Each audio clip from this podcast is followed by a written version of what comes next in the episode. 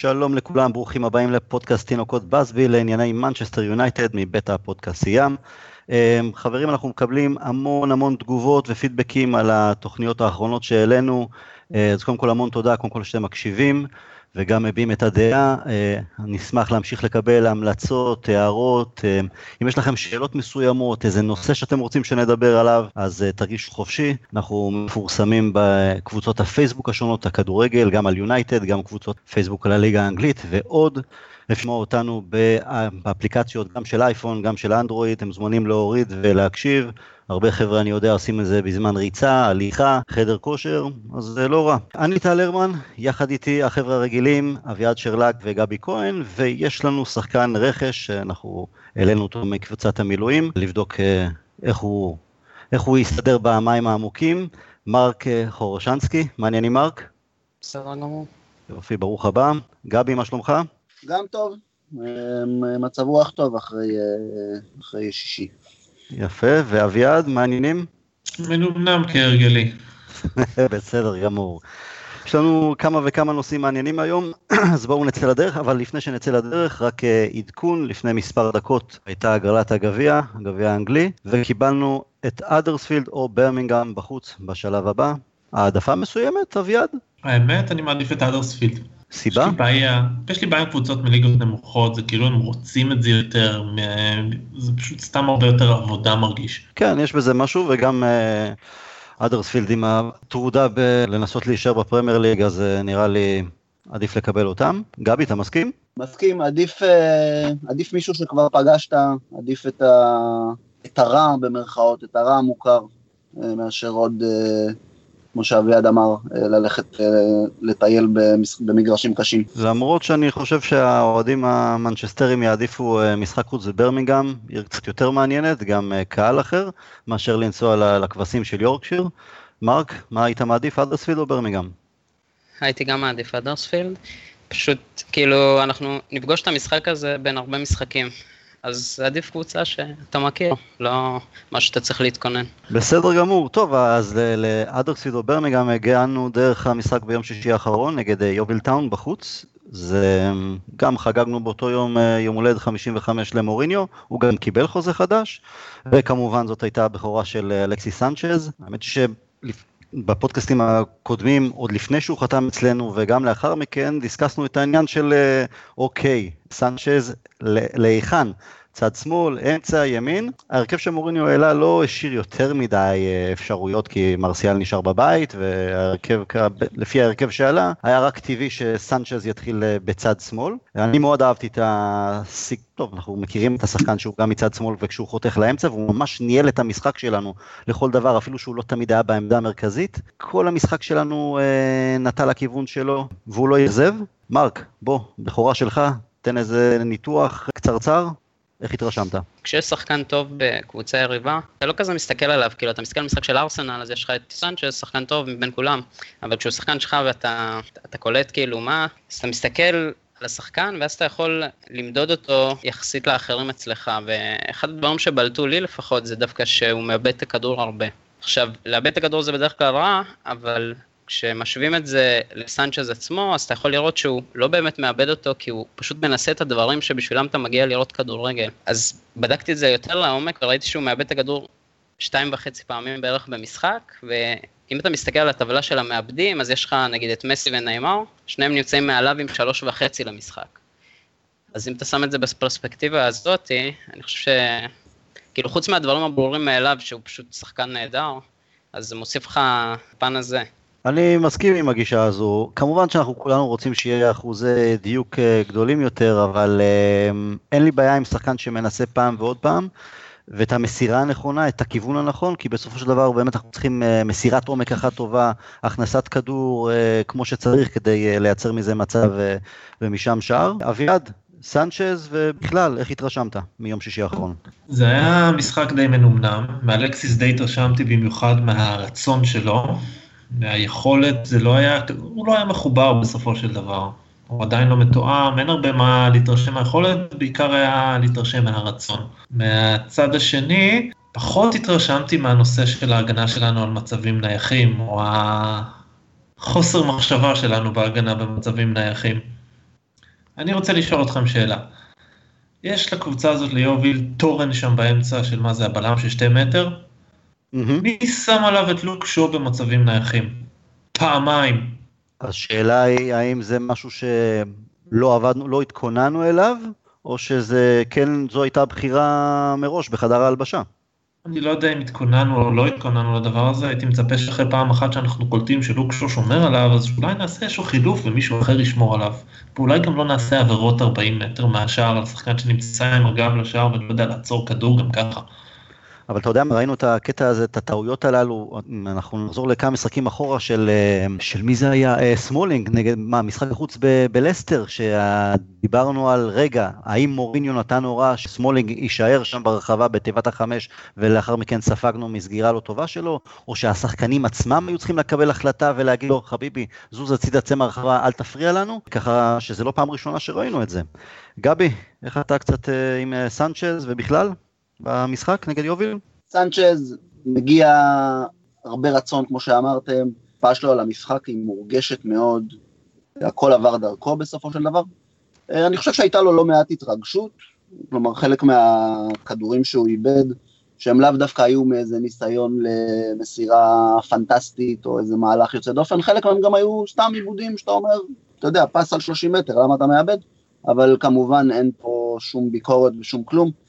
בדרך כלל משחקי גביע בשלב הזה, ב... מול, מול קבוצה מהדרג הזה, בדרך כלל עולה הרכב שהוא מלכתחילה פחות מתואם. בדרך כלל לא הרכב שרץ קבוע. אז להכניס שם את אלקסיס זה היה החלטה מאוד נכונה בדיעבד של מוריניו, כי אתה צריך איזה קלף בהרכב שלא מחובר, שיכול לעשות את הדברים לבד. וראינו את זה גם, אני חושב בסופו של דבר, שני השערים עברו דרכו, התחילו דרכו, כמו שאוהבים בתקשורת הישראלית לכתוב על אה, שחקן ישראלי בחו"ל, התחיל את המהלך שהוביל אה, לשער. אה, מהבחינה הזאת באמת מילים טובות לאלקסיס. נקודה של אביעד שהוא דיבר על ההגנה, אני מאוד מאוד מאוד מסכים, ממש תפסתי את הראש בפעם השנייה כשזה קרה, ש... ששו שמה נרמס מתחת לבלם הענק שלהם שמה. זה משהו שאמרתי גם בהקשר של המשחק ההוא עם סמולינג, זה משהו מערכתי. כלומר, גם אם מוריניו לא שם לב, וזה מוזר שאם הוא לא שם לב, אז אם מוריניו לא שם לב, מישהו אחר על המגרש צריך לשים לב. או לפחות להעיר את תשומת הלב של מוריניו, אולי לא לקבל החלטה לבד, אבל להגיד לו, תשמע חביבי, יש פה איזה ג'בר אחד ברחבה, איך מטפלים בזה?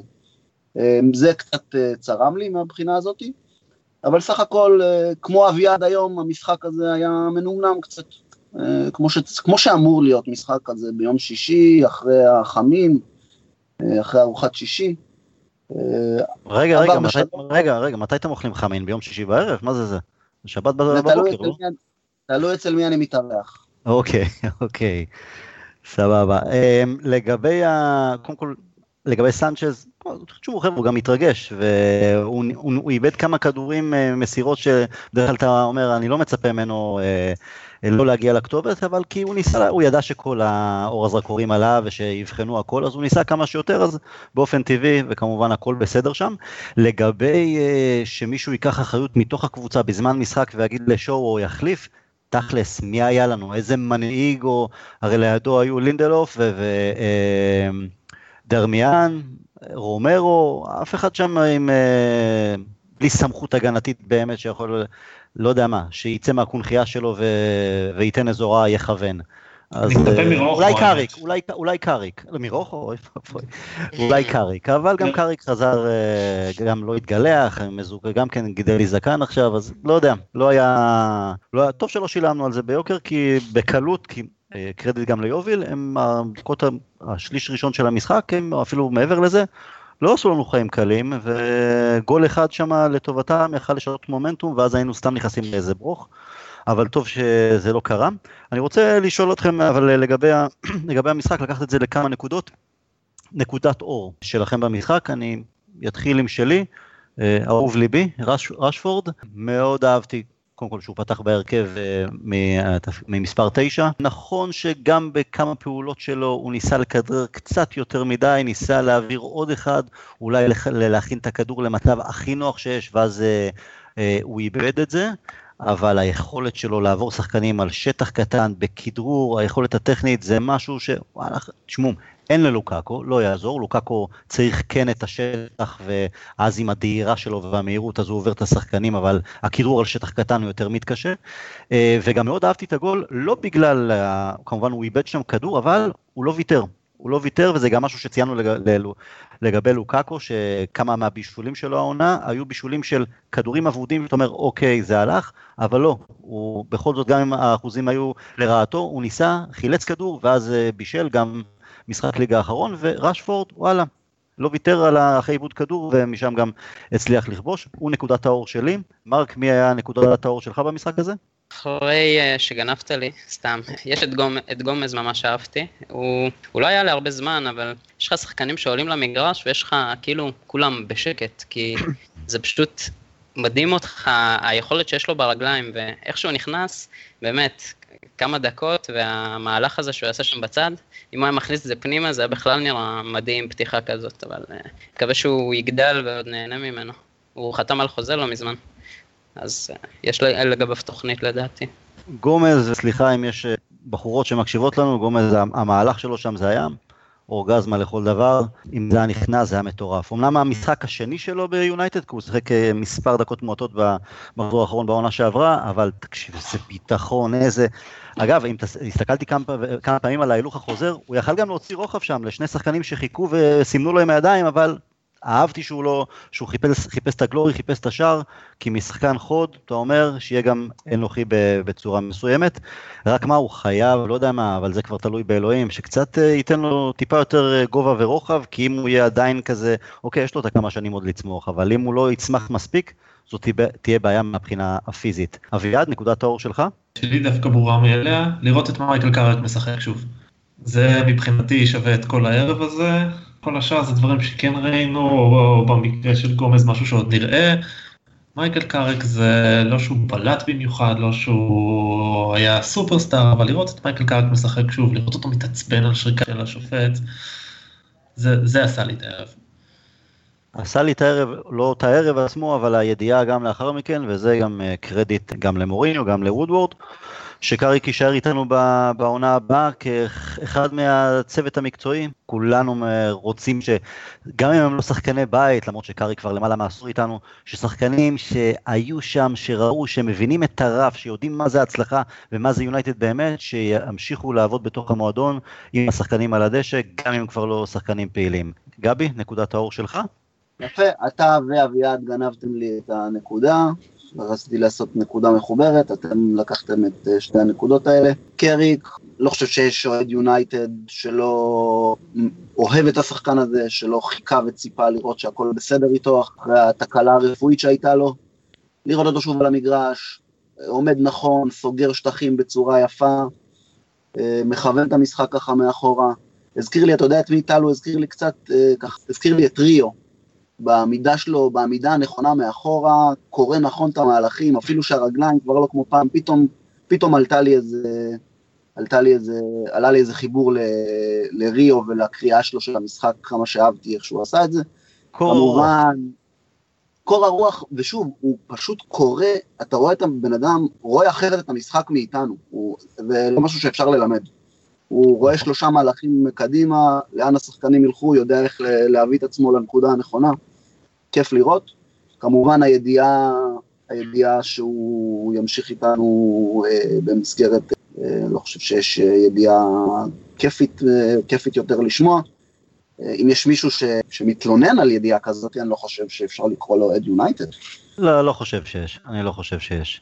אגב, אנחנו נצטרך את קאריק שימשיך לשחק בהמשך העונה, שיהיה כאופציה בהמשך העונה, וגם לפה ושם דקות שמטיץ' יוכל לרדת, אם בחילוף, או אם איזה משחק באמת, אה, לא יודע מה, באמת הגרלה נוספת נוחה בגביע, למרות שאין, אם זה גם ברמיגם, זה בחוץ, זה קל זה לא יהיה, אבל כן, עוד אופציה, חס וחלילה כמובן עם מטיץ' פתוח, מורחק או משהו כזה.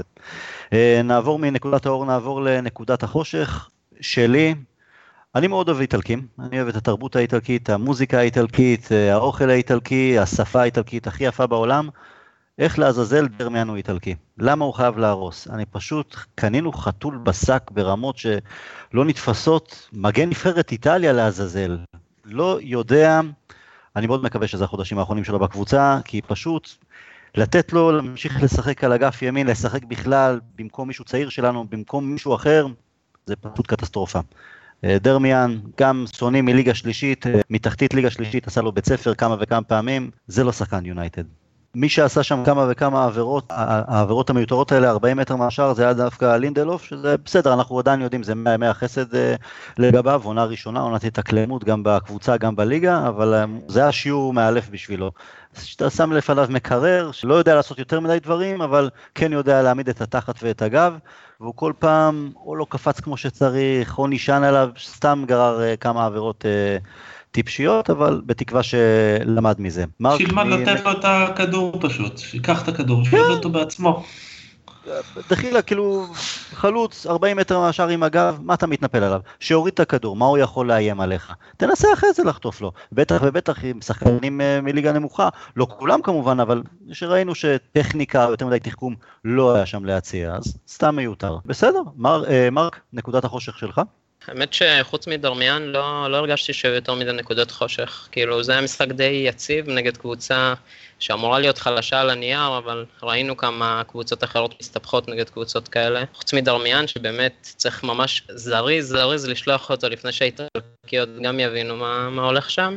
לא, לא חושב שהיו, כאילו לינדלוף התחיל לא, לא מדהים, אבל הוא נכנס לתוך המשחק תוך כדי. מחצית שנייה, למרות שהם לא תקפו כל כך הרבה, הוא, כל מה שהם כן ניסו לתקוף, הוא הוא כן הצליח להבין את הדרך פעולה שלהם, והוא גם עזר התקפית, היו לו כמה כדורים ממש יפים. אה, רוחו עשה שליחות כדור לא ברורות, כמו שהוא אוהב לעשות לאחרונה. נכון. אבל חוץ מזה, אני חושב שהיה לנו משחק די יציב, לא, לא היו יותר מדי נקודות חושך. קצת מרגיז אה, רוחו באמת בתקופה האחרונה, הוא לא חזר טוב מהפציעה, היה לו משחק בכורה שאמרנו, או יופי הוא ממשיך את הכושר המרשים מהעונה שעברה, אבל מאז זה אה, בעצם אותו רוחו שאנחנו, שאנחנו מכירים, רוחו הפחות טוב, פחות יציב, כזה שמקבל כדור ומעיף ללא כתובת בפאניקה מיותרת לגמרי, נכון מרק? כן, וזה, האמת שזה מוזר, כי רואים שבמשחקים האחרונים התחילו לעבוד באימונים על יציאה מהגנה להתקפה, אנחנו רואים אפילו את סמולינג, שממש אין לו משחק הרגל, אבל כן מנסה טיפה לשחקן קרוב, אפילו קצת לפרוץ. ג'ונס ממש לקח את זה צעד קדימה, פרץ אה, חצי מגרש שם באחד המשחקים. אבל רוחו משום מה ממשיך עם השליחות כדור הלא ברורות האלה. מקווה שמישהו ידבר איתו בקרוב על זה, שלדעתי הוא, הוא גם ככה כבר איבד את המקום שלו ב, בהרכב, אבל אה, גם לא כן, יחזור אם זה ככה. כן, בהמשך אנחנו נדבר גם על, אה, על החוליה האחורית שלנו, אז בטח נרחיב שם. גבי, לך יש נקודת חושך? נקודת חושך אמיתית אין לי, זה באמת היה משחק כזה, כמו שאמרתי, ככה מנומנם, כולם, אף אחד לא ביום רע במשרד, אף אחד לא ביום יותר מדי טוב. אה, אני אבחר דווקא, שוב, לא חושך, אבל ציפיתי לקצת יותר משו. אה, שחקנים שאני מאוד אוהב ומאוד מעריך ומאוד מצפה מהם, אני גם ביקורתי כלפיהם, ככה אולי קצת יתר על המידה. אה, היה לו רצף משחקים לדעתי נהדר, שוב, הכל, הכל קשור לרמת הציפיות, כלומר לא ציפינו להרבה, והוא באמת נתן איזה רצף משחקים שעשה טעם של עוד, עשה הרגשה של בוא נראה מה קורה איתך הלאה.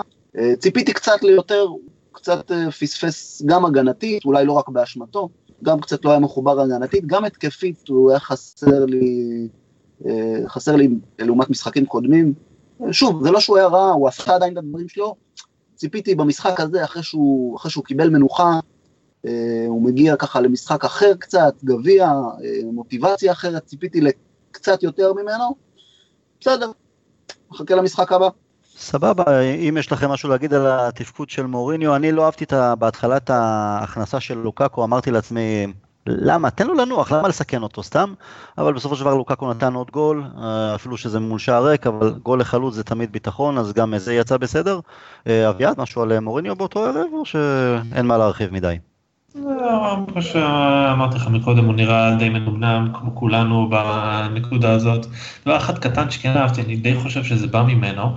היה קטע שיובל הכניס איזשהו קיצוני שם אה, מול לוקשו, המצלמה התמקדה עליו, כל הקהל התרגש, נכנס כוכב, או הנה מישהו שהולך לרוץ על האגף. מורינו חייך, נתן שתי הוראות, אנחנו תקפנו את הקיצוני הזה מהצד השני, ולוק שור כמעט הבקיע פעמיים. זה טוב, קראת מהלכים כמו שצריך. סתם עולה לי עכשיו משהו לראש, תמונה יפה מלאחר המשחק, שכל ילדים של יוביל שם שהביאו את הכדורים, אה, באו למוריניו, חיבקו אותו, חיבק אותם, כיף גדול לראות את זה, אבל אנחנו יודעים שהם, יודעים, אנחנו יכולים להסכים על המנג'ר שהוא יותר, פחות, הגנתי, התקפי, מה שזה לא יהיה, אבל בן אדם הוא בן אדם, הוא, הוא מענטש, ואני הזכרתי את זה כבר כמה פעמים, וזה באמת אחד הדברים שאומרים עליו, שמחוץ למגרש, אחד האנשים הכי הכי נחמדים שיש, אבל זה קפץ לי לראש, תכף נדבר גם על מנג'רים וגם קצת ליברפול, אבל אחרי ההפסד של ליברפול בגביע לווסט ברומיץ', הסתכלתי בכמה וכמה עיתונים, כל התמונות היו תמונות של ליברפול ושכאלה שחקנים, אף לא תמונה של קלופ. כלומר, כאילו התקשורת האנגלית הלונדונית, שכמובן אף פעם לא, לא אוהדת אותנו ולא מפרגנת, לא מסוגלים להראות איזה תמונה של קלופ אחרי הפסד כל כך צורב ומביך. אבל שהם ימשיכו להיחנק עם השנאה שלהם ליונייטד ואנחנו רק נרוויח מזה, אבל עוד נחזור לקלופ וליברפול. אביעד, אתה העלית את הרעיון של מרכז ההגנה, בוא תרחיב, בוא הנושא שלך, קדימה. כן, ובכן, כולנו יודעים מה יש לנו במרכז ההגנה. הכוח האדם הנוכחי כולל את ביי, את ג'ונס, את סמולינג, את uh, רוחו, לינדלוף, ובתצורות מסוימות זה יכול להיות גם בלינד או טואנזבי. זה מה יש לנו עכשיו, טואנזבי כבר לא יצא בהשאלה. שאלה שלי, מה יקרה בעונה הבאה? לאיפה אנחנו צריכים ללכת? אני שומע כל מיני רכישות מאוד מסוימים, יש כאלה שאומרים שצריך להביא בלם, כאלה שחושבים שאנחנו צריכים להשקיע יותר בנוער. אז השאלה, איפה אנחנו רוצים לקחת את מרכז ההגנה של מנצ'סטר יונייטד בשנה הבאה? על ידי אה, משחק של מתמטיקה. אנחנו יכולים לשחק בין שניים לשלושה בלמים במשחקים מסוימים, צריך בשביל דבר כזה משהו כמו חמישה בלמים, כשאת השאר אפשר לקחת מהנוער. הייתי רוצה לראות שם את ג'ונס, את ביי, את לינדלוף ואולי את רוחו, כשהחמישי צריך להיות בלם נוער עם עדיפות לטואנזבי. מה שאומר ש-Smalling you are the odd man out, אם באמת יש הצעה מארסנל על השולחן, אז אפשר לשחרר בקיץ, להגיד תודה למייק על השנים הטובות ולהמשיך הלאה. השאלה היא איך אתם רואים את זה, את מרכז ההגנה שלנו, הולך הלאה, האם זה יותר בלמים, פחות בלמים, צריך להביא, לא צריך להביא, זו השאלה שלי.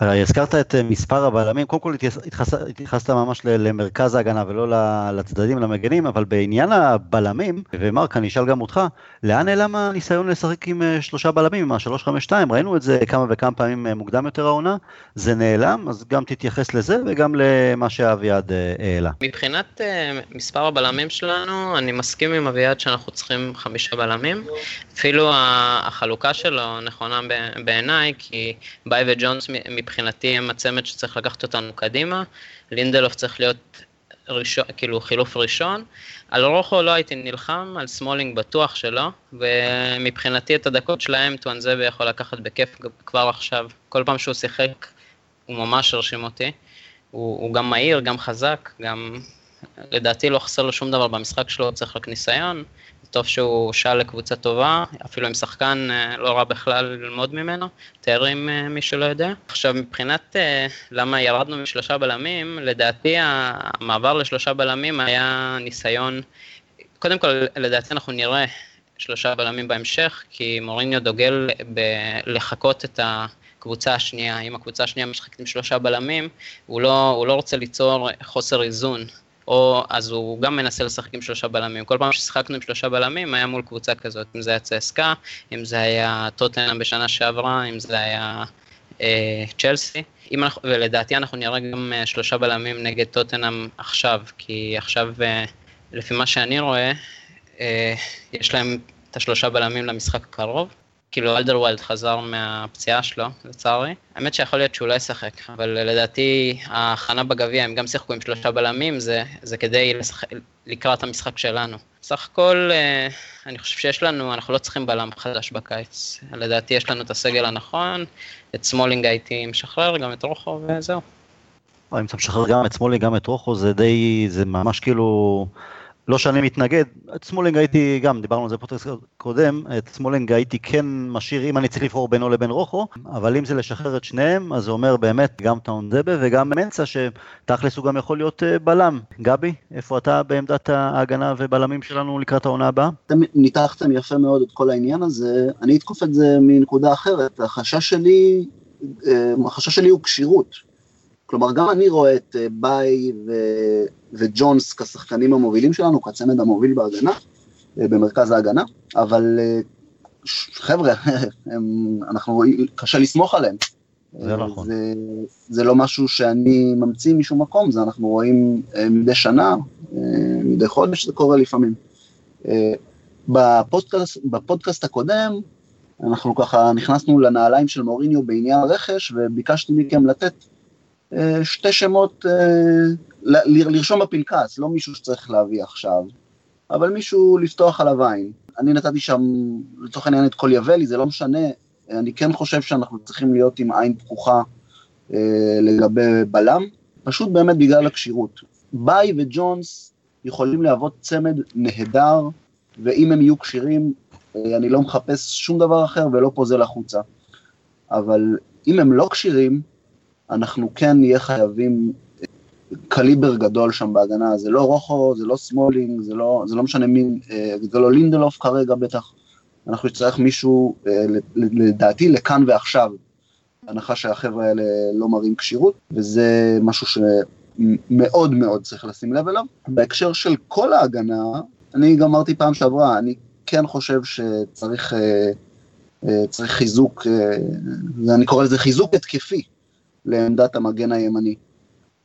מישהו שהמגן המודרני, לעזור הרבה להתקפה שלנו, מבלי לנסות לבלגן שם את החלק הקדמי, פשוט תן את התמיכה הזאת, תן את התמיכה ההתקפית מאחורה. אנחנו אומרים, סנצ'ז מימין, מטה מימין, תנו לאיזה מגן תוקף שם לשרוף את האגף, וזה פחות יהיה משנה מי יהיה שם. בשביל זה יש לך את מנסה גם כן כאופציה, או בלם, או מגן, או קשר אחורי, הוא עדיין כחומר ביד היוצר. מרק, אתה רוצה להגיד משהו לגבי ה... מה שגבי אמר, לגבי הפציעות של הבלמים שלנו? כן, האמת שגם אותי קצת הביא לעניין של ביי, שהוא נראה מאוד פציע, כי סך הכל אצלנו הוא כבר עבר, זו הפציעה השלישית שלו, השלישית הרצינית, כשאחת הוא עבר גם בעונה שעברה, אבל בדקתי את זה לעומק, והאמת הפציעות שלו הן לא פציעות חוזרות, שזה משהו שהוא מאוד טוב. כל, כל הפציעות שלו הן פציעות שונות. עכשיו, אתה אומר אה, מישהו שנפצע כל הזמן זה בעיה, אבל זה לא עובד ככה בדרך כלל בכדורגל. כי כשמישהו צעיר יחסית והגוף שלו, אתה יודע, הוא עבר ממועדון דרג, דרג שני כזה, ב, שלא משחק הרבה משחקים בשבוע, פתאום הוא עובר לקבוצה גדולה, הגוף שלו זה גם עומס חדש. אז כשיש לך פציעה שחוזרת על עצמה, אז היא מצביעה על העתיד, כמו נגיד בייל. בייל יש לו בעיה בשריר התאומים לזיכרוני, אז כל פעם זה חוזר לו, כל פעם הוא, הם מחזירים אותו מוקדם מדי, הוא חוזר, שוב הפציעה הזאת קורית. עם ביי זה לא המקרה, עם ביי זה כל פציעה הייתה שונה, לכן הפציעות שלו עד עכשיו לא מצביעות על העתיד. ג'ונס לעומת זאת גם היה לו את הבעיה שזו הייתה פציעה חוזרת, אבל ניתן לראות שאיכשהו בזמן האחרון הוא כן הצליח לצאת מזה. אז אם, אה, אם אנחנו מתחשבים בזה ששניהם לא אמורים להיות פצועים אה, כרוניים כמו שנראה לנו עד עכשיו, כנראה שאנחנו לא נצטרך עוד בלם. כאילו את הדקות הנוספות אה, צריכים להשלים לינדלוף ואתה יודע, צעירים כמו שאמרנו. אני לא בטוח אם דווקא פציעות אף פעם לא טובות כמובן, אבל אני לא בטוח שזה שזה מתחלק אצל בעל לכמה אזורים שזה משהו טוב, כי פצועים כרוניים, אם אני חושב על מייקל אוהן ואחרים, אז זה לא הייתה פציעה רק באותו מקום, זה התפרס על פני כמה מקומות, כמה סוגי פציעות. אה, דווקא, דווקא אצל ג'ונס, אני חושב שזה בעיקר היה עניין של מתיחות, אה, פציעות שכאלה, והוא כן, טפו טפו טפו, פתר את זה בעזרת אה, יוגה, פילאטיס, מה שהוא לא עושה. אביעד, שמעת את החבר'ה? מה אתה רוצה לסכם קצת? אה, קודם כל בכוונה התייחסתי למרכז הגנה ולא למגינים, כי אם למשל אנחנו הולכים לתוך שלושה בלמים, אז המגינים הם לא בדיוק שחקני הגנה. הנושא של פוסו מנסה אגב הוא בדיוק מה שהתכוונתי עליו בלמשוך עוד אה, מישהו מהנוער במקרה הצורך, וזה תקף גם לעניין של פציעות. כלומר אנחנו צריכים משהו כמו ארבעה חמישה בלמים בכירים, ואם יהיו פציעות אז נתמודד איתם. זה, אין לנו ברירה אלא להתמודד, פציעות יהיו תמיד לאורך השנה. לגבי ביי והפציעות, בוא נגיד זה ככה, הסטנדרטים של פציע הם קצת שונים בימינו. תיאגו אלקנטרה זה שחקן פציע. Okay. שחקן אוקיי. שמפסס פציעות 40% מהזמן שלו. אריק ביי עדיין לא שם. יכול להיות לו שחקן פציע, אבל לא יודע, פגיעה בקרסול באימון של הנבחרת לא נראה לי כמו משהו שהוא בהכרח חוזר על עצמו. נצטרך לחכות ולראות איך הוא יהיה עד סוף העונה. מרק, אותת לי לגבי אוהן, שהרוב הפציעות שלו זה מפסעות, אתה בטוח? אני חושב שהיה לו עוד כמה פציעות, כן, לא, יכול שזה, לא יכול להיות שזה היה תמיד רק מפסעה. היה לו עוד פציעות מן הסתם, אבל המפסעה זה הבעיה העיקרית שלו. אצלנו הוא איבד 30 ימים, 60 ימים, לפני זה בניוקאסל עוד 40 ימים. זה לא, כאילו, ברור שהוא קרע את הרצועות, שזו הפציעה הכי גדולה שלו, אבל מה שחוזר על עצמו ארבע פעמים זה המפסעות. הוא בן אדם, עצם זה שהוא סקאוזר במקור, זה כבר אומר שהוא פצוע בראש, בנפש וכן הלאה, אבל אה, בסדר. אבל אם אנחנו נוגעים אה, טיפה עדיין בבלמים, אז אה, שוב, דיברנו מקודם ואמרתי, כן, מגיע לו 100 חסד, אבל אחרי חצי עונה, אביעד, אתה מרגיש לגבי לינדלוף יותר בכיוון החיובי, עדיין סימני שאלה, או שאתה אומר, או שאתה אפילו יוצא בהכרזה, זה לא זה. הכרזות לא, אבל אני עדיין מאוד לא משוכנע ממנו. הוא עוד יש לו דרך ארוכה לעשות. זה עדיין יש שם הרבה עניינים של חוסר ביטחון, הרבה עניינים של טעויות קטנות וטיפשיות, יש לו עוד הרבה מאוד עבודה לעשות. זה שהוא צעיר, שהוא שנה ראשונה, זה ניתן לו את החסד ואין מה להגיד. אנחנו נדע סופית או קרוב יותר רק בעונה הבאה. אבל זה לא שהוא מרשים במיוחד ולא ראינו דברים מיוחדים שהוא יודע לעשות. אוקיי, okay, גבי, איך אתה מסכם בכמה מילים את אה, לינדלוף? גם כן יותר אופטימי, פסימי?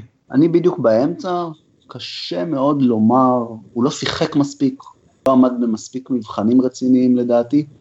אתה ללא ספק רואה, ש... וזה גם בלמים שבסופו של דבר, אה, אה, שוב לדוגמה וידיץ', כן?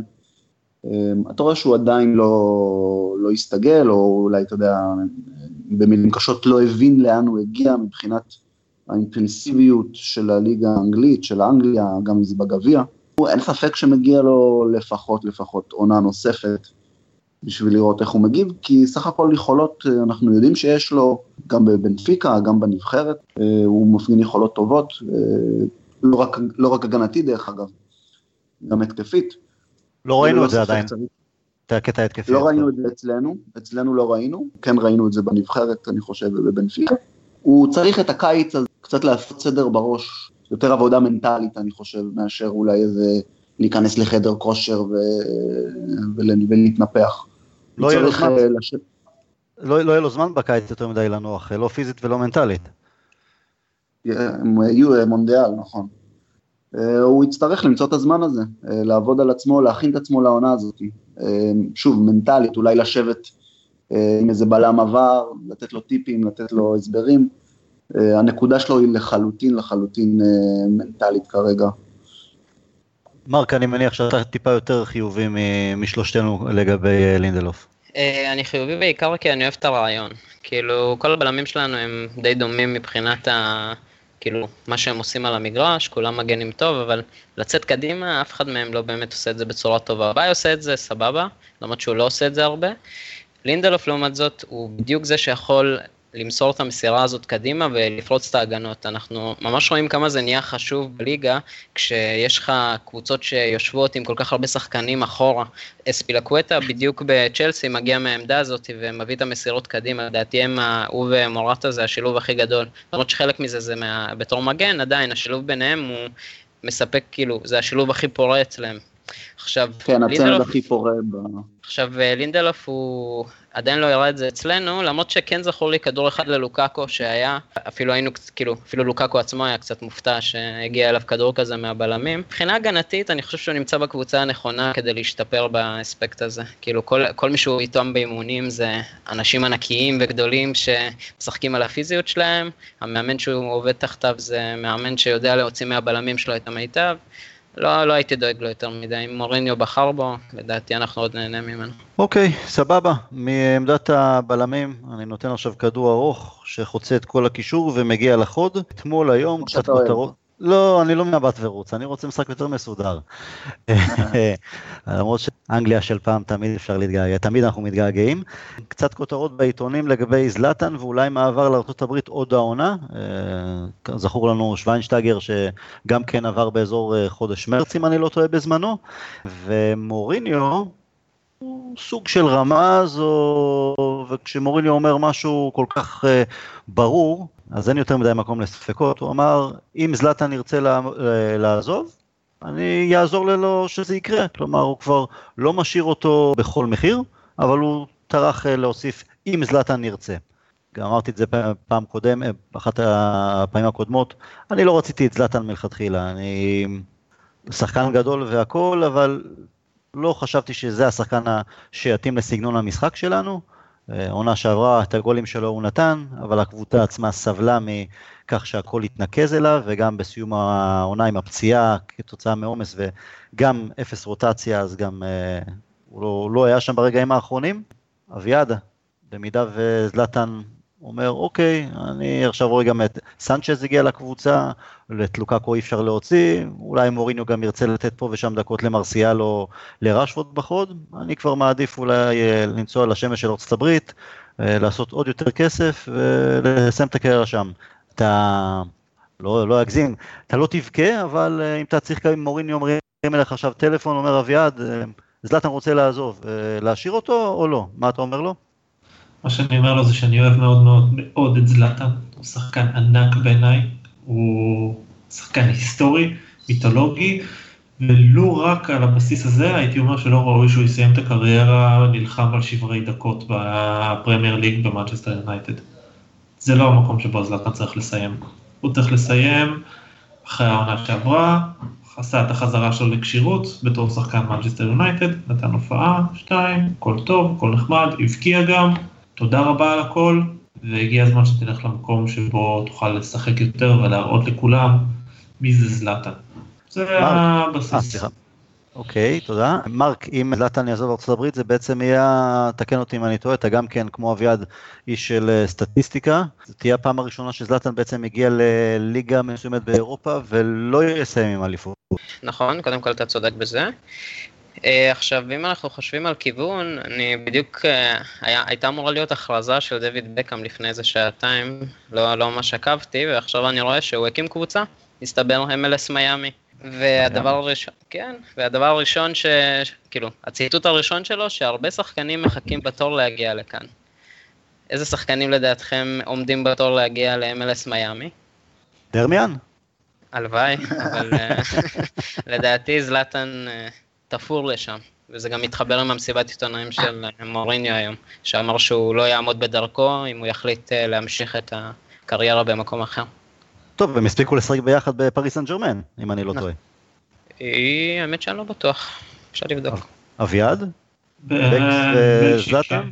נכון? כן. נדמה לי שכן, ויש מצב שגם במילאן?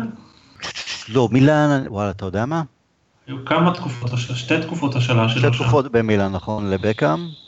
אה, אני מניח שמרק תכף בודק לנו את זה במחשב. גבי, אם אה, מוריניו מתקשר אליך ובמבטא הפורטוגלי שלו שואל אה, לעצתך? קודם כל אני נעלב ש... שממני אתה לא מצפה לתגובות סטטיסטיות, אבל בסדר. קודם כל, הרמיזה של מוריניו, לא הייתה רמיזה ברורה ממנה. אה, לגבי, אה, לגבי מה הולך לקרות עם זלאטן, לתחושתי. כלומר, הוא אומר, אם, אם, אם זלאטן רוצה והוא יפנה אליי ויהיה רצון של... זה, זה נראה, ואני לא אומר את זה בצורה רעה בכלל, זה נראה, ש, זה נראה שזלאטן אה, יסיים את דרכו איתנו. זלאטן, וכבר אמרתי את זה, יחד עם רונלדו השמן, שני החלוצים הכי גדולים שאני זכיתי, חלוצים פרופר, שאני זכיתי לראות, וזכיתי לראות, אני אומר את זה במלוא הפה והערצה. שחקן היסטורי, כמו שאביעד אמר, תפור עליו, תפור עליו השואו, אה, השואו במיאמי, השואו ב-MLS, זה הוא, זה כל כך הוא, הוא יוכל לעשות שם מה שהוא רוצה, הוא יהיה המלך בכל מגרש שהוא יגיע אליו. אה, הוא צריך ללכת ולשאוג, אה, לשאוג במקום אחר, ואני מקווה בשבילו שהשאגות האלה יהיו חזקות שם בארצות הברית. אוקיי, אה, מרק עדכן אותי שכן, שיחקו ביחד בפריס סן ג'רמן, אבל לא במילאן, כשבקאם היה במילאן, זלאטן היה ביריבה העירונית, באינטר. הרבה אנשים שישמעו את מה שאני הולך להגיד עכשיו יגידו בואנה, הבן אדם הזה מבין כדורגל, מה הוא מקשקש? אבל טוב, אולי בגלל שהוא באמת שיחק אצלנו יותר שנים, ואם אני, באר בטוב תמיד הזכיר לי את אה, זלאטן. ואיפשהו אני יותר העדפתי, למרות ששוב, זלאטן שחקן הרבה יותר גדול וגם uh, הגיע להרבה יותר uh, הישגים, אבל איפשהו תמיד יותר אהבתי את ה... לא יודע, את הפאסון הזה של ברבטוב, לא יודע, יותר אהבתי, יותר נקשרתי לברבטוב, לעומת זלאטן, את הפוזה של זלאטן לא אהבתי, אני לא אוהב, לא מתחברתי לאריות, אה, נמרים, חיות, בני אדם, אלוהים ושכאלה, תכלס זה גם די מתפוצץ עכשיו עם הפציעה שלו והקושי שלו לחזור, אבל כל אחד וכוס התה שלו. אוקיי, סיימנו עם זלאטן וארצות הברית, אני רוצה לעבור לנושא מסוים לגבי מנג'רים. אני אתחיל מליברפול וקלופ, דיברתי מקודם על, ה, על כך שהתקשורת לא הראתה את הפנים של אה, תמונות של קלופ לאחר ההפסד בגביע לווסט ברומיץ'. קלופ, כמה שנים הוא כבר בליברפול? שלוש עונות כבר במצטבר? כן. גבי, אתה, אתה גם איש של מספרים, אז בוא תגיד לי. אני חושב, אני חושב שזה עכשיו אמצע העונה שלי. הוא התחיל באמצע העונה, נכון? אני צודק? התחיל באמצע העונה, כן. קצת אחרי, התחיל באוקטובר. אמצע 15-16. אוקיי, אז, אז עכשיו הוא, כן, אז עכשיו הוא בעצם באמצע, כבר בעצם סגר של, שלוש שנים שם. שלוש שנים. אה, לא, לא, לא, זו העונה השנייה המלאה שלו תהיה. לא, אבל יחד עם החצי, אז יהיה לו, אז כרגע הוא שנתיים וחצי בערך. כן, בדיוק. אוקיי. אז הוא יסגור, אוקיי, הוא יסגור שלוש שנים, פרק זמן משמעותי כבר אה, צריך, כלומר, ההשפעה שלו על, ההשפעה שלו על ליברפול הורגשה, אני חושב, כבר מה... כבר מהמשחקים הראשונים, מהחודשים הראשונים. אני לא יודע, לא יודע איך מתייחסים שם בליברפול ככה עד הסוף לקלופ, אני בטוח שיש קולות נגדו, בוודאי גם קולות בעדו, אבל אני חושב שהוא יהיה חייב, יהיה חייב להראות להם אה, תוצאות. אין מה לעשות, ליברפול, ירצה או לא, מועדון גדול, לא יסתפקו ברק כדורגל יפה. לא, אבל אני אגיד לך, אני אגיד לך למה אני מכוון. קלופ, אוקיי, יסגור שנתיים וחצי, תכלס אם אנחנו לוקחים או נשווה את קלופ לעומת את מי שהוא החליף ברנדן רוג'רס שליברפול פיטרה לאחר פתיחת עונה רעה בזמנו לא חושב שהמספרים ובכלל הכדורגל של רוג'רס של ליברפול תחת רוג'רס פחות טובים מאשר uh, תחת קלופ. וכמובן אנחנו זוכרים עם רוג'רס וואלה הם היו מרחק אה, כפסע מאליפות שקלופ בכלל לא מתקרב לזה. קלופ עונה שלישית ברציפות אף מהגביע האנגלי בבושת פנים ועדיין לא לא מבין אפילו סוג של די הפתעה שהוא לא מבין את המהות של הכדורגל האנגלי, או עד כמה בכל זאת הגביע האנגלי כן חשוב למסורת, לאוהדים, ולזלזל או, או לא, לה, בזמנו עונה שעברה הוא העלה הרכב חלש, אה, משני אפילו, אה, והעונה, ולפני כמה ימים נגד ווסט ברומיץ', כלומר גם הרכב חזק, אבל משהו ב, השחקנים בסופו של דבר עולים גם סוג של מראה למה קורה באימונים או הכנה לקראת משחק שכזה, בטח שהם חשבו שזה ילך להם בקלות אה, נגד אה, ברומיץ' בבית. השאלה שלי, אני אומר, יש מנג'רים, אנחנו מדברים מוריניו, קונטה, כי גם הוא שיחק ביובנטוס ואימן את יובנטוס, אני אלך לגוורדיולה, שחקן ענק בברצלונה ואימן את ברצלונה, ואיפשהו תמיד אנחנו, ונגר תקוע בארסנל כבר שנים, אז גם כן, אה, ואי אפשר להוציא אותו משם, וכל עוד פרגי היה אצלנו, אז אי אפשר היה להזיז אותו. אז לא מעט מנג'רים שהם לא שמות גדולים, א', כי אולי הם לא היו שחקנים גדולים, אבל לא רק בגלל זה, אלא כי הם התחילו בקבוצות אה, בינוניות, או חלשות, או מועדונים קטנים יותר. שאין להם סיכוי להגיע בעצם למועדונים הגדולים. דיוויד מויס זה באמת היה משהו קיצוני, די קיצוני, אה, ובאנגליה אם כבר יגיע מנג'ר למקומות הגדולים זה בדרך כלל יהיה, לא בדרך כלל, זה יהיה מנג'ר זר, זה לא יהיה מישהו מפורטוגל, מישהו מספרד, זה לא יהיה מישהו בריטי, הבריטים כבר מזמן אה, גם פעם לפני שנים מנג'ר סקוטים זה היה הדבר הכי משובח כמו, כמו וויסקי, כמו וויסקי סקוטי.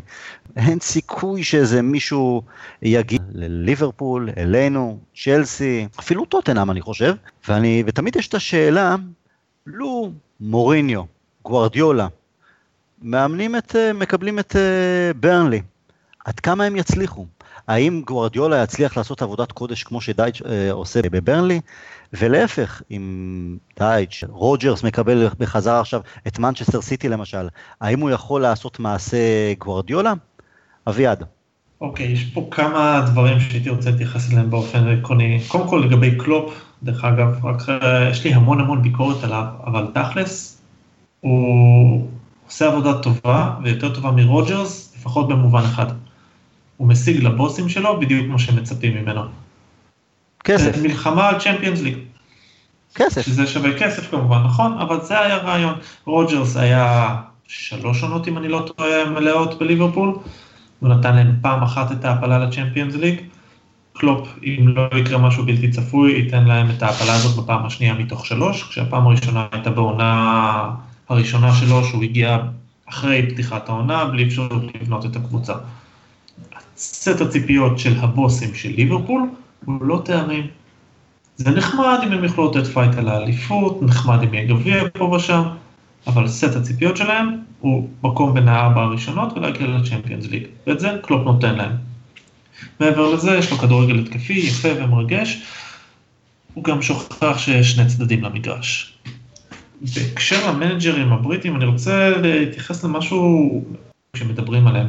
רק עכשיו אנחנו רואים את הפריחה של הדור המנג'רים הבריטי הראשון, שהושפע מהתקופה של אחרי ההשעיה מאירופה. כלומר, הכדורגל האירופאי העולמי למעשה, כפי שהוא היה בשנות ה-90, הוא שונה לחלוטין ממה שהיה בשנות ה-80. זה כבר לא כדורגל של בעט ורות, זה כדורגל מאוד, הרבה יותר טקטי, הרבה יותר חכם, ורק עכשיו מתחיל הדור הראשון לפרוח של מאמנים בריטים שהושפעו לא מבריין קלף ולא מדון רבי ולא מהאוורד ווילקינסון ורון אטקינסון ודומיהם, אלא חבר'ה שהושפעו מגוורדיולה, ממוריניו, מארסן ונגר במידה מסוימת, והדור הזה מתחיל לפרוח, אדי האו דוגמה מצוינת לדור הזה. יש להם את הסיכוי לקבל את הג'ובים בקבוצות הגדולות, אבל זה מצריך תהליך. כי כרגע בקבוצות הגדולות נכנסים אך ורק מנג'רים שיודעים מה זה סיר לחץ. בין אם הם חוו אותו בתור שחקנים או בין אם הם חוו אותו בתור מאמנים.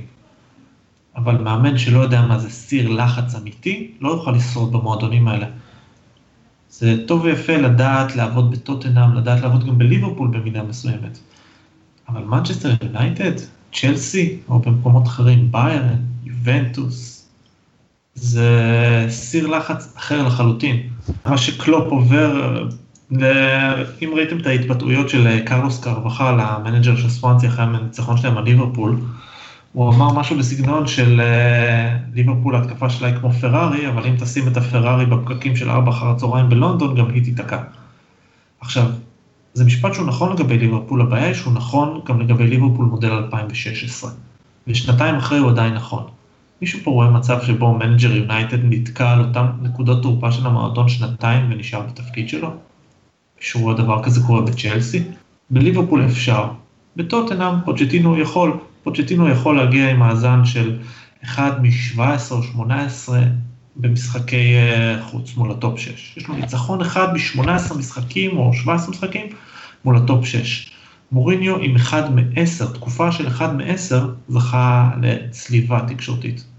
זה לא בגלל שמוריניו הוא מושך אש, הוא לא בסדר, ופוצ'טינו כן בסדר.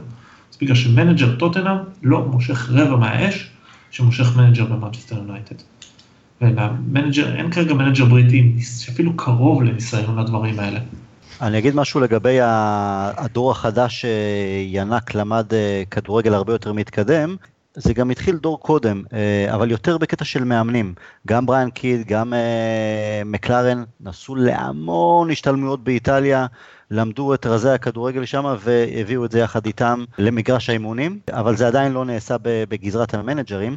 עכשיו משהו מעניין ששמעתי מסלאבן ביליץ' לפני אה, שבוע, שבוע משהו כזה, הוא התארח ב-Monday Night Football ביום שני בערב, אה, במשחק של ליברפול נגד אה, סוונזי, דיבר בפתיחות על המון נושאים והוא אמר דבר מאוד מעניין, לאו דווקא, אולי שם אני התחברתי יותר לקטע הזה בקטע של מויס ויונייטד.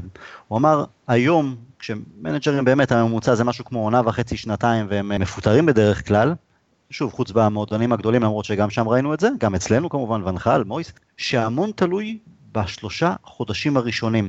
אם בשלושת החודשים הראשונים המנג'ר, כל מנג'ר, בכל מקום, מצליח לעורר, לעשות כמה דברים חיוביים, יש לו את הזמן, הוא מקבל את האוויר להמשך הדרך. מי שבשלושה חודשים הראשונים מתקשה, הסיכוי שלו לאחר מכן להחזיק מעמד, להצליח, שהמערכת כולה, שחקנים, הנהלה ואוהדים, שיהיו מאחוריו, הוא שואף לאפס. ואם אנחנו נזכר בשלושת החודשים הראשונים של מויס, אז כמובן לא היה לו סיכוי, גם קיבל באמת אה, לוח משחקים, תחילת עונה רצחני ביותר, ובלי רכש, בלי, וגם שנכנס לנעליים של פרגוסון, כלומר ברגע ששלושת החודשים הראשונים לא היו טובים, כאילו שם זה נגזר הדין שלו.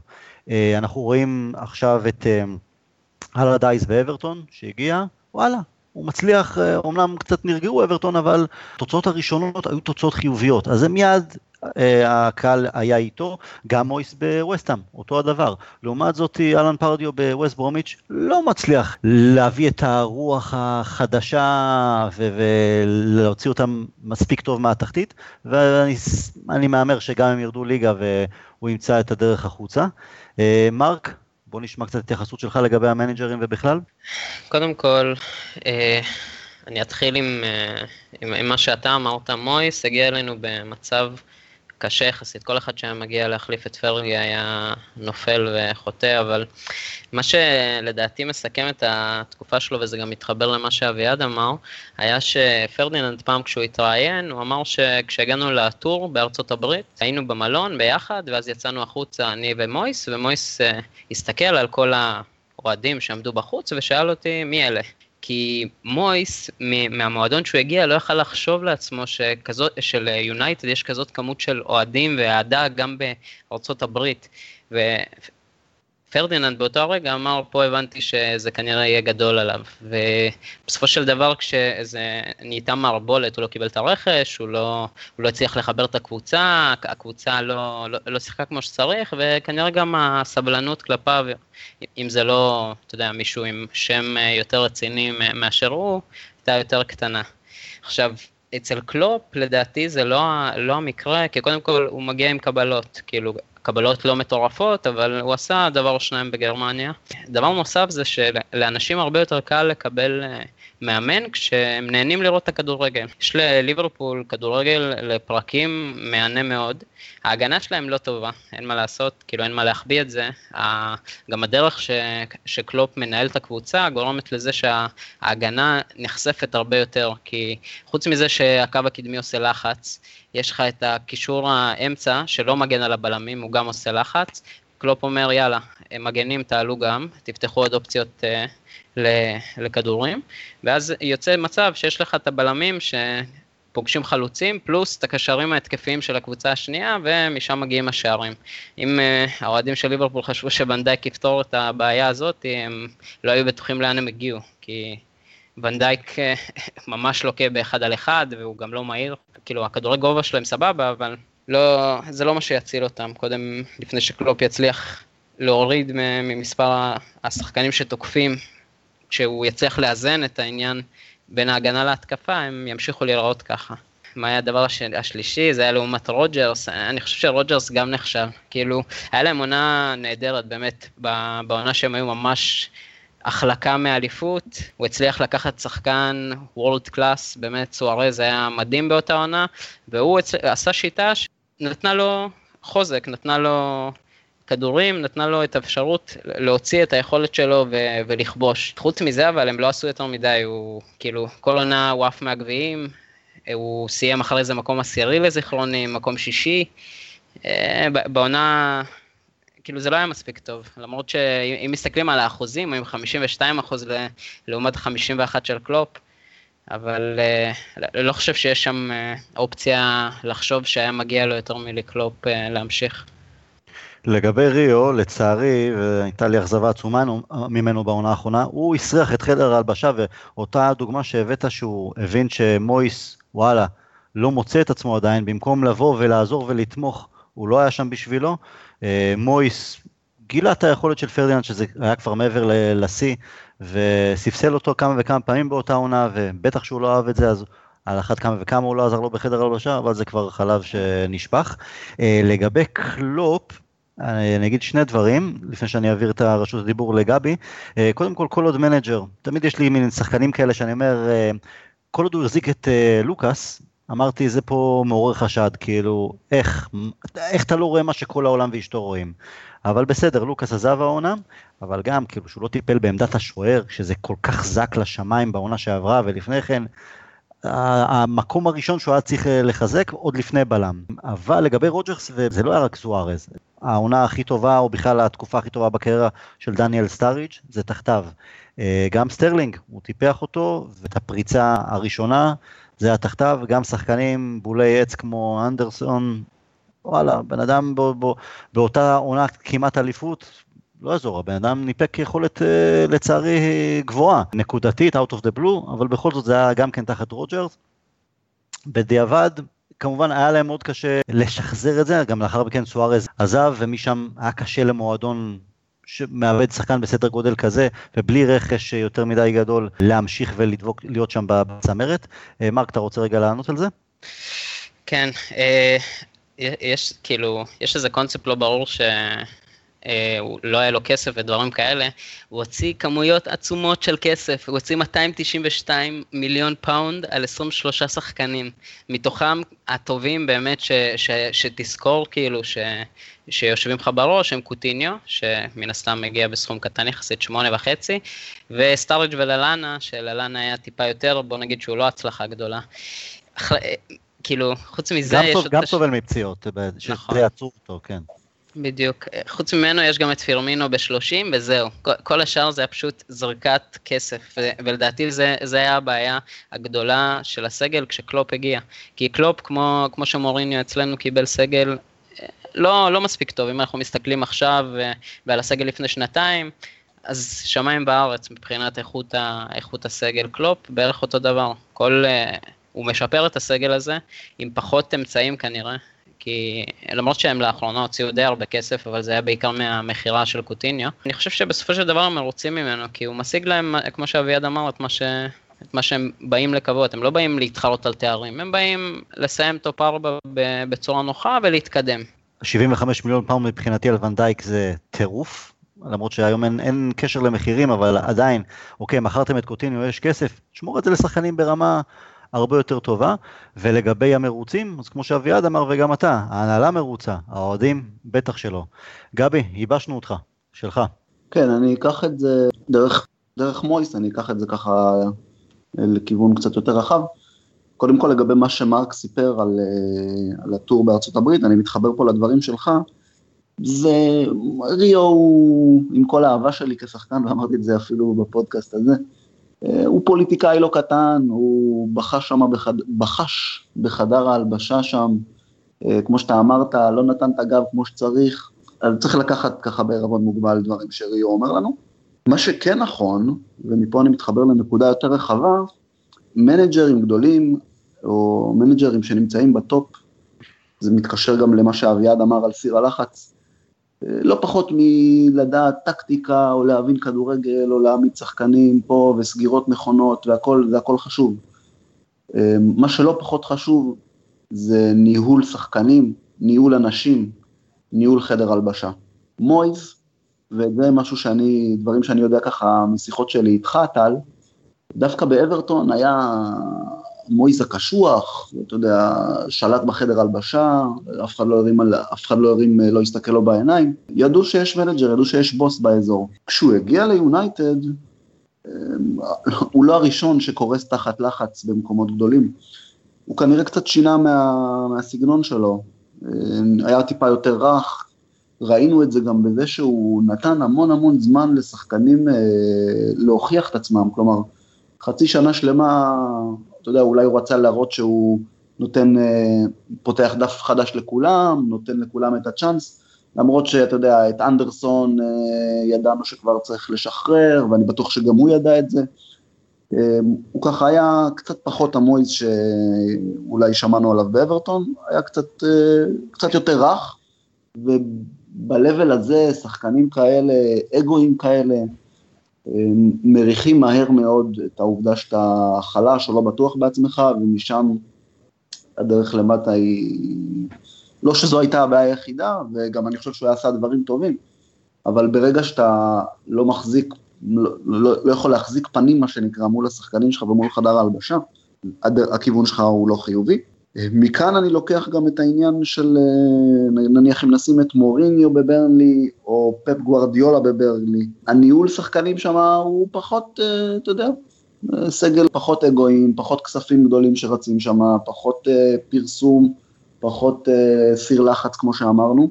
אבל פחות יכולת. חושב, גם פחות יכולת. אתה יודע, אוהבים לדבר באם ואם ואם. אני חושב ש...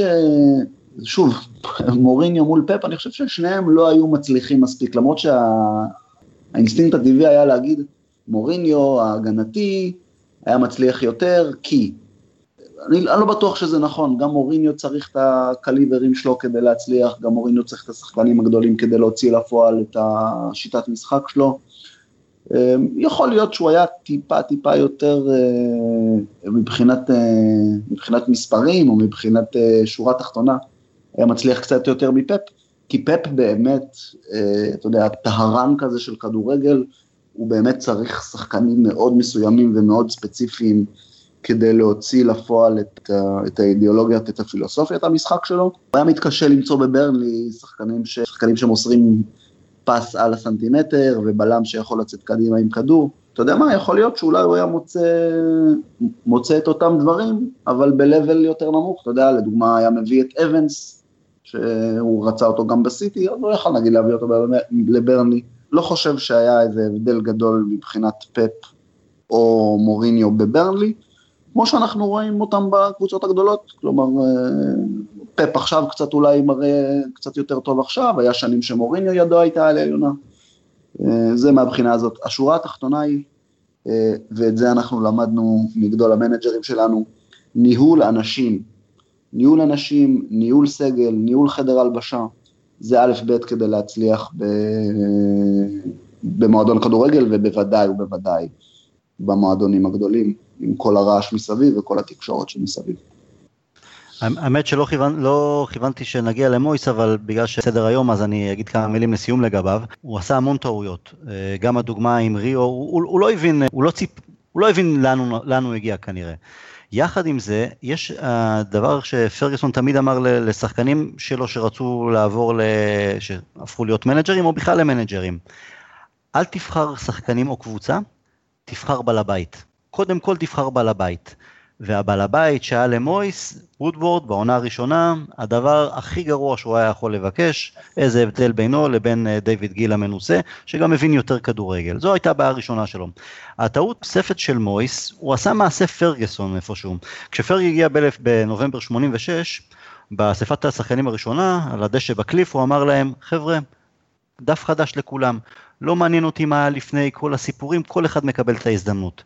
מויס עשה את אותו הדבר, במקום לחתוך בבשר החי עם כמה שחקנים, אה, הוא נתן לכולם את הצ'אנס, וזה עלה לו ביוקר.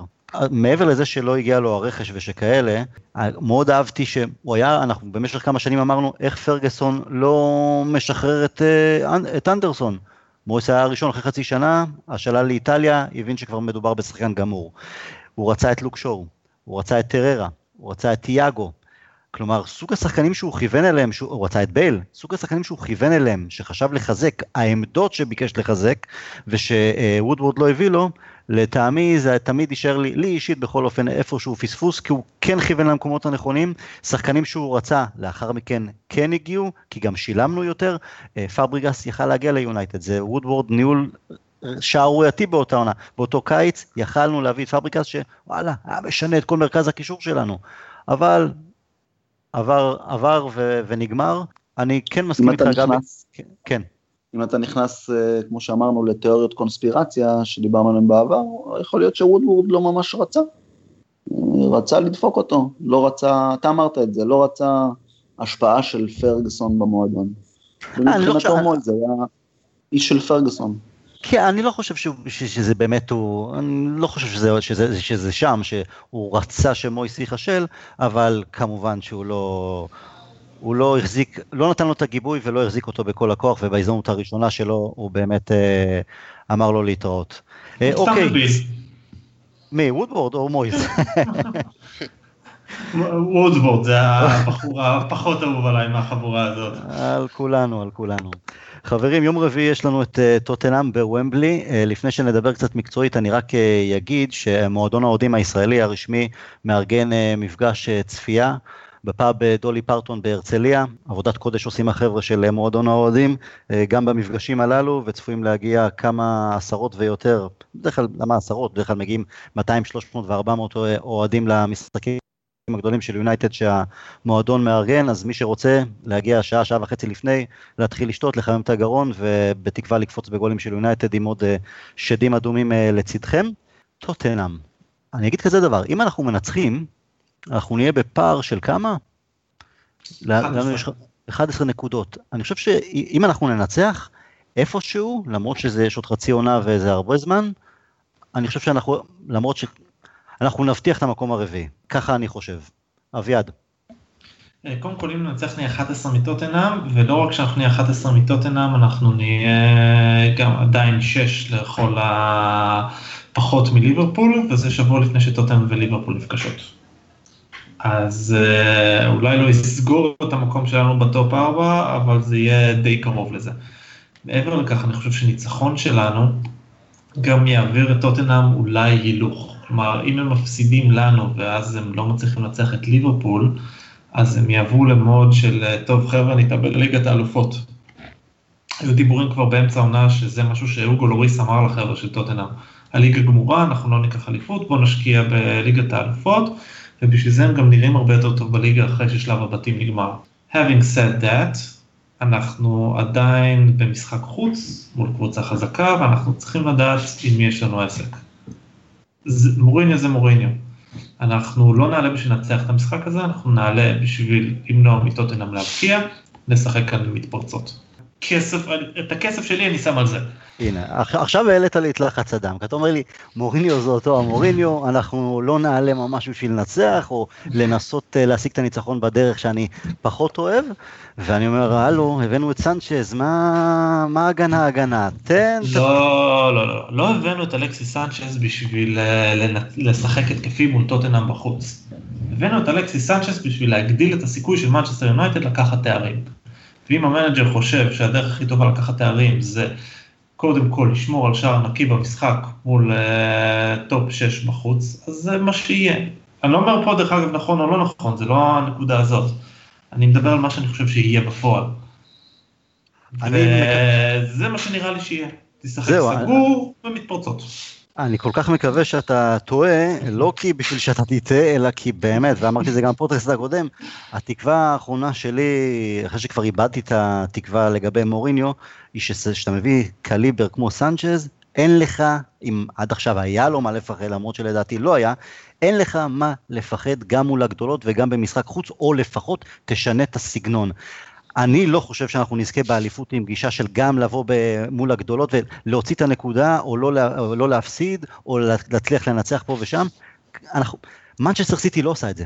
צ'לסי לא עושה, לא עשתה את זה בעונה שעברה. אתה חייב, אליפויות של יונייטד, גם אם הייתה איזו עונה אחת שלא ניצחנו את הגדולות, זה היה די יוצא דופן, כי במשחקי עונה, במשחקים מול הגדולים, אתה חייב לבוא להגיד, חבר'ה, אני הרבה, לא סופר אתכם, בהכי שכונתי שיש, לא סופר אתכם. אני אומר, וואלה, טוטנאם בוומבלי זה גם לא הווייט הארט ליין, הם איבדו שם כבר כמה, כמה, כמה וכמה נקודות, הם יותר בלחץ כי הם חייבים את השלוש נקודות, יש להם סגל אה, פחות עמוק, הם, הם, הם חייבים לתקוף אותנו. אז מה, אנחנו נשאר בהגנה ורק את המתפרצות? כן, זה יכול לעבוד נקודתית, אבל לטווח ארוך זה לא יספיק טוב, כי עובדה, ראינו, לא הספיק טוב עונה שעברה, לא מספיק טוב בליגה העונה הזו. מרק, בוא תשחרר אותי מהעצבים, מה אתה אומר, איך זה יהיה? תשמע, אה, הייתי רוצה להוריד לך, אה, כאילו, לשמח אותך וכאלה, אבל איך שאני מכיר את שתי הקבוצות, טוטנאם קבוצה שבנויה על הנעת כדור.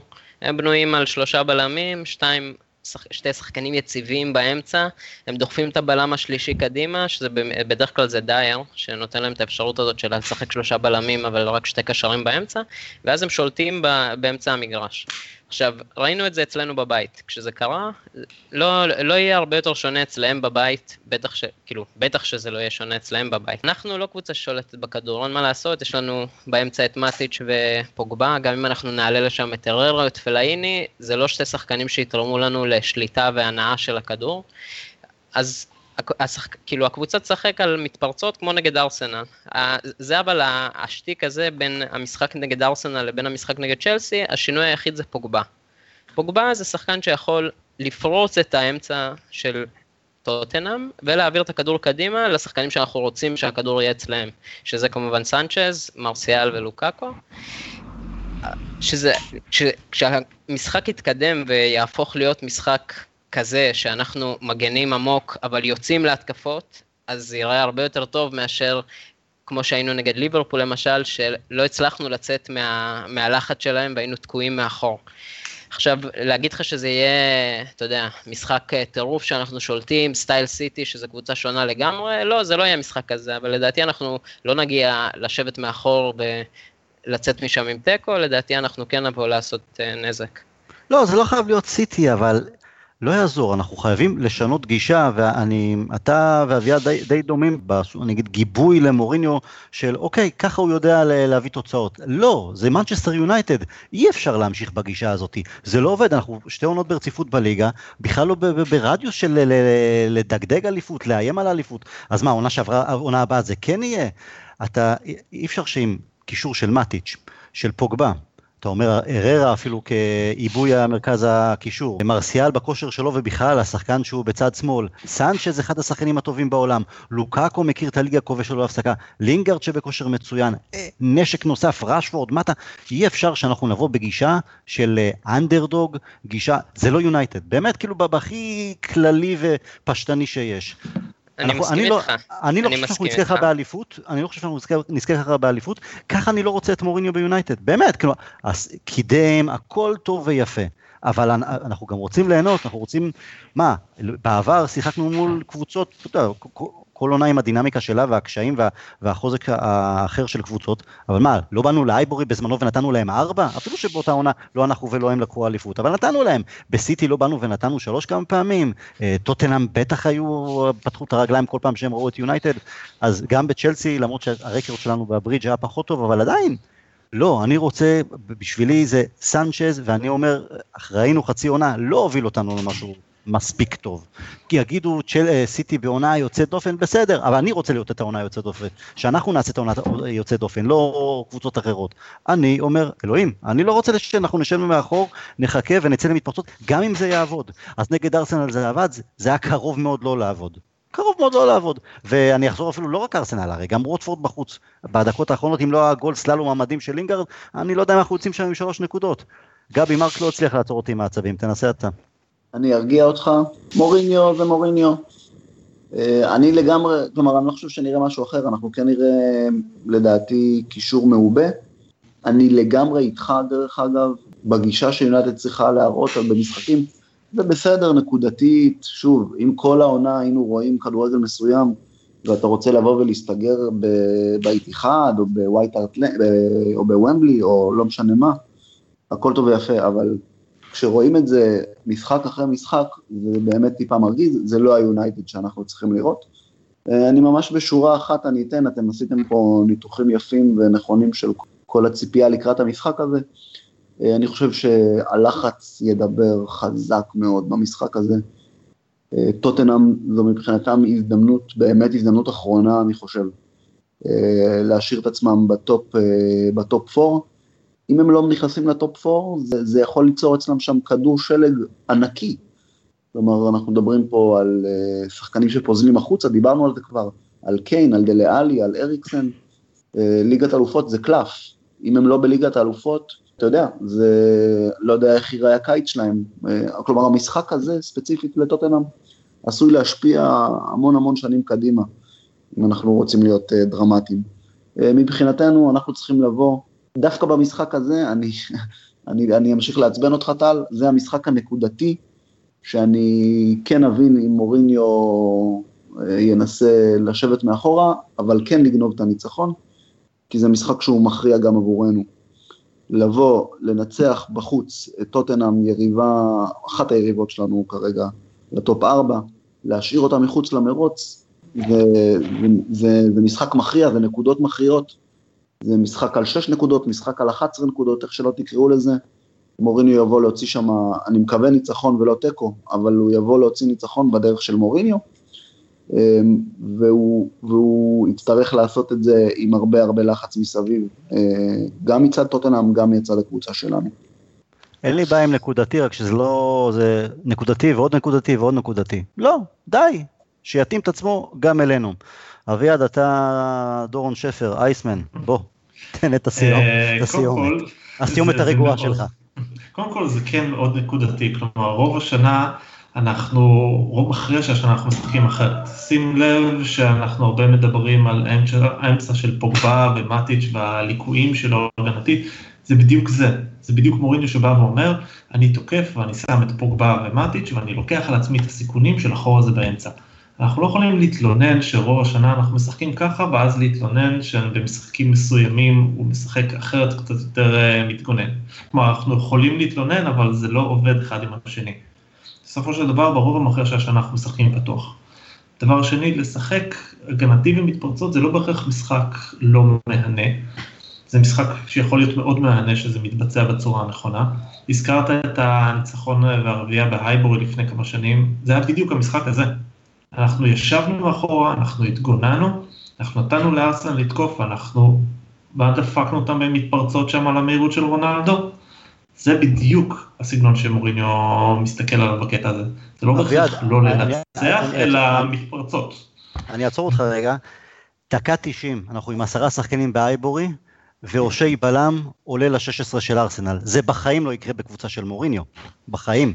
ותסתכל מה קרה שם, איך ההתקפה הזאת התחילה. התחילה מגבריאל היינצר רץ למעלה, כשהשחקנים של ארסנל פשוט היו עמומים מזה שהוא רץ למעלה ולא מנסה אה, להעביר את הכדור אחורה ולהמשיך את משחק המסירות עם סקולס. לתוך הדבר הזה, ואושי דרך אגב לא היה בלם במשחק הזה, הוא שיחק בתור בשער אחורי. עדיין, אמרת היינצר, אושי שני שחקני החלק האחורי יותר, אבל אני אגיד לך, הנה, אנחנו כמה שנים מאז עברו, ואנחנו מדברים על זה עדיין, זוכרים את זה נכון. כאילו זה כזה, זה מה שאנחנו רוצים, זה מה שאנחנו רוצים. אבל זה היה משחק מתפרצות, זה היה משחק מתפרצות. לא משנה, אבל עצם זה שאתה אומר שחקני הגנה, דקה 90 עם עשרה שחקנים, אף אחד לא אומר להם, חבר'ה, אל תעברו את החצי, אין כזה דבר, אתם מגיעים ל-16, הם עושים את זה, כי זה, זו הייתה הגישה, מתפרצות, בזה לא משנה, זו הייתה הגישה, ובשביל זה אנחנו מדברים על זה, בשביל זה אנחנו זוכרים את זה כל כך טוב ונהנים מזה. זה מה שאנחנו מחפשים בסופו של דבר. אפשר להפסיד, אפשר תיקו, אפשר הכל טוב ויפה. הגישה חייבת להשתנות, כי שוב, נקודתי, לא נקודתי, אתה יודע, הבחירה לשים את פוגבה מאחורה אה, לצד מטיץ' במשחקים אה, נוחים יותר, אין בעיה, למרות שגם שם זה היה חדיר.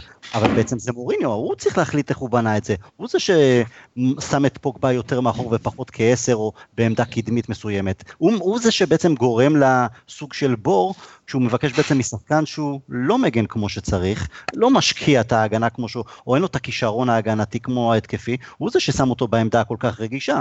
אז אני אומר, כדי שזה יצליח, שוב, בסופו של דבר זה תוצאות, ותוצאות בליגה, העונה שעברה, העונה בגישה הזו, אז יכולנו, אפשר לנצח פה, אפשר להוציא תיקו באנפילד, אבל זה לא מוביל אותנו למשהו הגדול ביותר, כדי שאנחנו ניקח אליפות בעונה הבאה, אנחנו נהיה חייבים לעשות קפיצת מדרגה, גם לבוא ל... ל חבל שכבר אין את אייבורי, אבל האמירויות, גם לאנפילד, אתה יודע מה, אנפילד זה התשובה, הדוגמה הכי טובה. להגיע לאנפילד מול ליברפול שעם הגנה ושוערים של ליצנים בסופו של דבר, ושאנחנו יודעים כמה הם פגיעים, ולא לנסות אפילו לכבוש כמו שצריך, לתקוף לאיים, אפילו לא במתפרצות, שם, פה קבור הכלב. זו, זו הבעיה הכי גדולה שלי עם, עם מוריניו. זה הנושא של התוצאות הוא הנקודה האחרונה שרציתי באמת לגעת בה. העניין הוא שקודם כל יש הבדל בין בונקר, all out בונקר, לחנות אוטובוס ולנסות להתקיף ולא על זה. לא, עזוב, עזוב את ה... אני מדבר על מתפרצות באמת, לנסות להתקיף מתפרצות, וזה הנקודה מבחינת תוצאות, זה עובד. כלומר, הכי קל להגיד סיטי מסתכלת לכולם הלבן של העיניים ותוקפת בכל מקום והכל טוב ויפה. אבל האלופה שנה שעברה הייתה צ'לסי של קונטה, שעושה בדיוק את אותו דבר בכמעט כל משחק שלה. השנה במיוחד הם שמים שלושה בלמים, שני מגינים, שלושה קשרים אחוריים ותוקפים במתפרצות. כל משחק חוץ כמעט, בייחוד מול הגדולות. האלופה שלפני כן הייתה לסטר ששיחקה ככה כל משחק. כן, אבל ללסטר הכלים שלה היו מוגבלים. ומוריניו שלפניו, גם צ'לסי, שוב, שלוש מארבע האלופות האחרונות, ואם אפשר, ואם תרצה אפשר ללכת אחורה, וזה קרה גם, אנחנו שיחקנו ככה לא מעט פעמים עם uh, פרגוסון בסוף העידן שלו, מנצ'יני שיחק ככה לא מעט פעמים, בסופו של דבר רוב המנג'רים הגדולים משחקים ככה במשחקי חוץ, וזה עובד. עכשיו, אנחנו שוב, לא מדברים פה על out בונקר, מה שראינו למשל מול צ'לסי השנה בחוץ, או מול ליברפול השנה באנפילד, זה לא זה מה שאני מדבר עליו. אני מדבר על הגנה חכמה עם היכולת להוציא מתפרצות במהירות. לתת ליריבה להחזיק בכדור 60% מהזמן, אבל ב-40% שלך ליצור הרבה יותר מצבים מסוכנים מהם. זה מה שאני חושב שאנחנו ננסה לעשות, זה מה שאני מצפה שנעשה בצורה יעילה. לא לשים את הכדור אה, אצלם ברגל 70% מהזמן, להעיף כדור למעלה ולקוות שהוא ייפול לרגל של מישהו, זה יעצבן גם אותי. אני מדבר לא על מתקפה חכמה. אני חושב שההתקפה של צ'לסי, שוב, עד להגעה של, של סנצ'ז, שמבחינתי זה שובר שוויון ומשנה, יכול לשנות את כל התמונה, היא הרבה יותר מאורגנת וברורה מאשר המשחק ההתקפי שלנו, שבגלל שהוא בנוי או על המתפרצות, או על ההגבהות ללוקאקו. מה עוד רציתי להוסיף בהקשר הזה? ברח לי. לא נורא. תכף אולי זה ייפול לי האסימון מה רציתי להוסיף. מרק, במה שלך. אה, אתם דיברתם על זה ש... שזה משחק מאוד חשוב לטוטנאם, לדעתי שזה המשחק הכי פחות חשוב להם בחמישה הבאים. אם uh, תסתכלו על לוח המשחקים שלהם, הם פוגשים אותנו ברביעי, ביום ראשון הם פוגשים את ליברפול בחוץ, אחרי זה יש להם ביום רביעי את ניופורט, המשחק חוזר שלהם, ארסנל בבית, ואז יובנטוס בחוץ. אם אנחנו מסתכלים על כל המשחקים האלה, תכלס, הם רבים על מקום רביעי עם ליברפול וארסנל, שזה אומר שזה שני משחקים של שש נקודות. עכשיו, מן הסתם המשחק הזה הוא גם משחק שחשוב להם לנצח, והם יבואו, אתה יודע, זה עניין של גם אופי, אם אתה מנצח את המשחק הזה, 3-0, 2-0, אתה מגיע אחרי זה למשחק נגד ליברפול, אתה יכול אה, עוד אה, להיות על הגל של הניצחון הקודם, אבל תכל'ס זה, זה, לא, זה לא המשחק ש, שממש חשוב להם, וגם לנו זה לא ממש משחק חשוב. עכשיו, כשאני מסתכל על המשחק הזה ככזה, שזה לא משחק שאתה, אתה יודע, להיות או לחדול, אני מבין את מוריניו שהוא יגיע למשחק הזה לשחק יציב, וכאילו, לא לבוא עם השליטה, מה שאתה רוצה לראות, אלא לבוא לעשות את המשחק שלנו, להגן כמו שצריך, וכן לתקוף אותם, את הנקודות תורפה שלהם, כש, כשהם ינסו לתקוף עם יותר מדי שחקנים קדימה. אבל ככה משחקים בכל משחקי החוץ באנגליה, הגדולות, חוץ מ... בדיוק הקבוצה שציינו, סיטי. כי סיטי לא, לא, לא מכירה דרך אחרת לשחק. הם אה, משחקים על שליטה בכדור, שליטה בכדור מובילה לזה שהקבוצה השנייה הולכת אחורה, ואז משחקים במתפרצות מולה. כך כל קבוצה של גוארדיולה תמיד שיחקה, וזה לא, כאילו, ממנה אנחנו לא צריכים לקחת את הדוגמה. הקבוצה שלנו לא, לא מסוגלת לשחק ככה. גם אה, מול הקבוצות הממש גדולות, אנחנו הקטנות, סליחה, אנחנו לא מצליחים לשלוט בכדור באופן יציב, בטח העונה, העונה שעברה עוד זה, זה היה קיים מעט, אבל העונה אנחנו לא מצליחים לשלוט בכדור באופן כזה חזק, אז לצפות שזה יהיה נגד טוטנאם בחוץ, אני חושב שזה קצת אה, ציפייה יותר מדי גדולה. אני כן מצפה שלא נבוא לבונקר סטייל מה שראינו באנפילד, אלא נראה משחק כמו נגד ארסנל, שאנחנו נגן ונתקוף כשצריך. אנחנו לא צריכים לראות כמו סיטי, בכדי, עם סגל שחקנים כמו שיש לנו, כדי לא לשנות גישה וגם סגנון. אנחנו לא חייבים, זה לא עניין של להחזיק 40% בכדור, או 60, או 70, או 20, אבל זה גישה, זה אומר, ויש שיפור, אני לא אומר שלא, בזכות שואו ואחרים, אבל משחק התקפי, שאתה מחזיק יותר בכדור, שאתה תוקף יותר, שאתה מפעיל, מפעיל יותר לחץ, זה לא רק כי אתה מחזיק בכדור, אוקיי? זה כי המגנים עושים תנועה קדימה באופן אה, קבוע, זה שיש משחק שהוא, כן, שהוא יותר מסירות ופחות כדורים ארוכים, אם מההגנה להתקפה או מה, מהקישור בכדורים גבוהים וארוכים ללוקאקו. כלומר, זה הרבה יותר מורכב. אבל אנחנו כבר uh, מעבר לשעה וחצי, כבר סיימנו את ה-90 דקות, אז uh, שנשאיר קצת דברים לפעמים הבא, הבאות. אז רק בשורה קטנה ממש ממש חברים בקצרה, אביעד הימור נגד טוטנאם. תפור על המשחק הזה תיקו, אז אני אומר וואלה, אנחנו ננצח. ננצח. Uh, מרק? לדעתי 1-0, במתפרצת, סנצ'ז, שער בכורה, כזה. מבחוץ, מחוץ לרחבה. די עם המתפרצת הזאת, גבי. לא, לא מתפרצת, בעיטה מחוץ לרחבה, לפינה, משהו חד. צוחק. גבי, הימור שלך. אני אלך על 2-1 אה, לטובתנו, אחרי מהפך, ובשביל של... כדי שתסיים את השידור הזה רגוע, אני אגיד לך שהמהפך הזה יהיה אחרי איזה, אתה יודע, איזה 30 דקות שאנחנו שוטפים את המגרש ויושבים להם על השער, אה, ונותנים את ה-2-1 דקה 90. אני אומר 3-0 לנו, אנחנו מחזיקים 65% בכדור כדי שמוריניו אחרי המשחק יגיד לי, אה, מה לך ולכדורגל. חברים, מר, קודם כל תודה רבה, היה לנו כיף. אה, אביעד, גבי, תודה רבה גם לכם. אנחנו תודה, תודה. נשתמע גם בשבוע הבא. אה, חברים, לא לשכוח, בבקשה, תמשיכו להגיב לנו, לתת אה, עצות, אה, הערות, פידבקים, הכל הכל, גם בפוסטים שאנחנו מפרסמים בפייסבוק, בכל דרך אפשרית, וגם תפיצו את זה, שעוד ועוד אוהדי יונייטד, ובכלל אוהדי כדורגל שירצו קצת לשמוע צד של אוהדי יונייטד יקשיבו לנו. שיהיה לנו בהצלחה נגד טוטנאם, will never die, כל טוב.